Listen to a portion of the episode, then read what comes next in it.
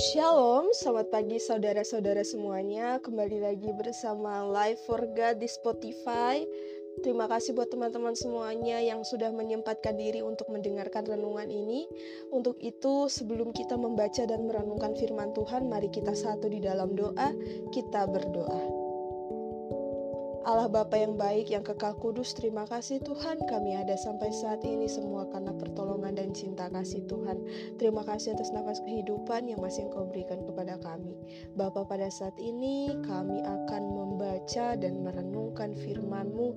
Kiranya Tuhan taruh hikmat atas kami agar apa yang nanti kami baca tidak lalu begitu saja tetapi boleh tertanam dalam setiap hati kami masing-masing. Inilah doa kami Tuhan, ampunkanlah seluruh salah dan dosa kami dalam nama Tuhan Yesus Kristus, firman yang hidup, kami sudah berdoa. Amin. Saudara-saudara semuanya pembacaan kita terdapat dalam 2 Korintus pasal 5 ayat 15 sampai ayat 19. 2 Korintus pasal 5 ayat 15 sampai ayat 19.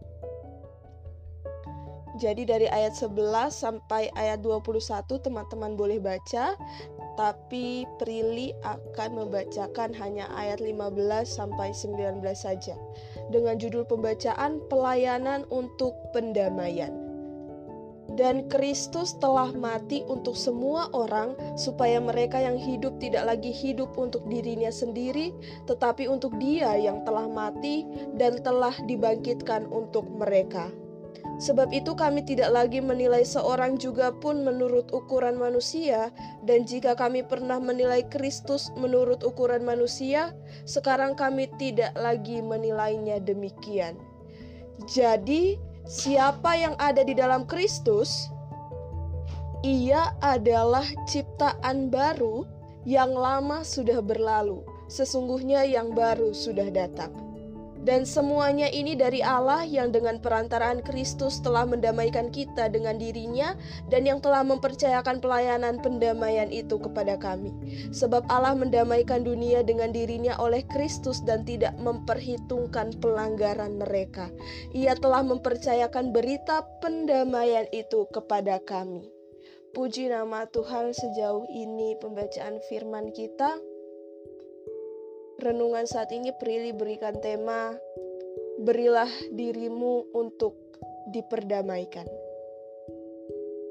Saudara-saudara yang Prilly kasihi, dari pembacaan ini kita dibawa kembali untuk mengingat setiap pengorbanan penebusan Tuhan Yesus di kayu salib untuk menebus dosa-dosa kita semua di mana tubuhnya yang berharga, darahnya yang mahal, tiada dosa, tiada celah, tapi mau mati untuk semua orang. Kita hidup di dalam Kristus dan sebagai ciptaan baru, kita harus sadar bahwa kita butuh kasih karunia Tuhan. Karena ciptaan baru, teman-teman, tidak bermakna langsung sempurna, melainkan kita sudah diubahkan sedang mengalami perubahan dan kita terus berubah. Sebelumnya memang dosa sudah membuat kita terasing dari Allah. Kita merasa tidak berharga, tidak layak, merasa sangat buruk, sangat menjijikan. Tapi akhirnya firman Tuhan berkata kita hidup sebagai ciptaan baru. Berarti kita membiarkan Allah berkarya dalam kehidupan kita dalam setiap diri kita. Makanya itu seperti yang tadi dikatakan ciptaan baru tidak langsung sempurna. Oleh karena itu kita itu butuh kasih karunia Tuhan untuk menyempurnakan kita dalam setiap aspek kehidupan. Semua yang ada di belakang mari tinggalkan saudara-saudara kita jadikan pengalaman, jadikan kesaksian bagi semua, semua orang yang ada di sekitar kita, semua teman-teman yang ada di komunitas kita, untuk kita bisa membangun satu sama lain.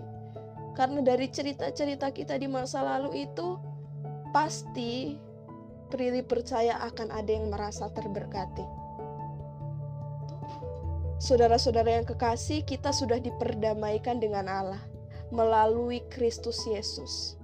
Siapa sih di antara kita yang dari lahir gak pernah bikin masalah? Siapa sih yang selama hidup belasan tahun alur hidupnya anteng-anteng wae? Anteng-anteng sajalah bisa dibilang. Prilly 100% yakin gak ada. Makanya itu berilah dirimu diperdamaikan dengan Allah. Berilah dirimu untuk digerakkan dalam kasih Kristus. Itulah tugas yang Allah berikan kepada Paulus, begitu juga kepada kita anak-anaknya. Paulus dengan rendah hati, dengan rela hati menerima tugas yang Allah percayakan karena ia tahu bahwa orang yang telah diselamatkan dalam Yesus harus hidup untuk melayani dia. Ingat saudara-saudara, melayani bukan cuma menyanyi-menyanyi di gereja, jadi pendeta, jadi majelis, tidak tapi melayani juga lewat perbuatan kita sehari-hari, lewat orang-orang terdekat kita, lewat grup-grup di sosial media juga. Karena sekarang zaman sucanggih bro, orang-orang bilang kayak begitu toh. Jadi mari kita lakukan yang terbaik dalam hidup-hidup kita sekarang ini. Tuhan Yesus memberkati kita dengan firman-Nya. Amin. Sebelum kita menutup renungan di Spotify ini, mari kita satu di dalam doa kita berdoa. Terima kasih Tuhan Yesus, saat ini kami boleh mendengarkan berita firman-Mu yang begitu indah untuk setiap kami Tuhan. Kiranya kami mau terus berubah, terus berproses diri untuk menjadi anak-anak-Mu yang lebih baik lagi Tuhan. Ampunkanlah seluruh salah dan dosa kami Tuhan Yesus. Berkatilah aktivitas-aktivitas kami ke depannya tuntun sertai selalu agar dalam kami melaksanakannya kami boleh selalu mengandalkan Engkau. Terima kasih, terima kasih Tuhan. Dalam nama Tuhan Yesus Kristus kami sudah berdoa. Amin.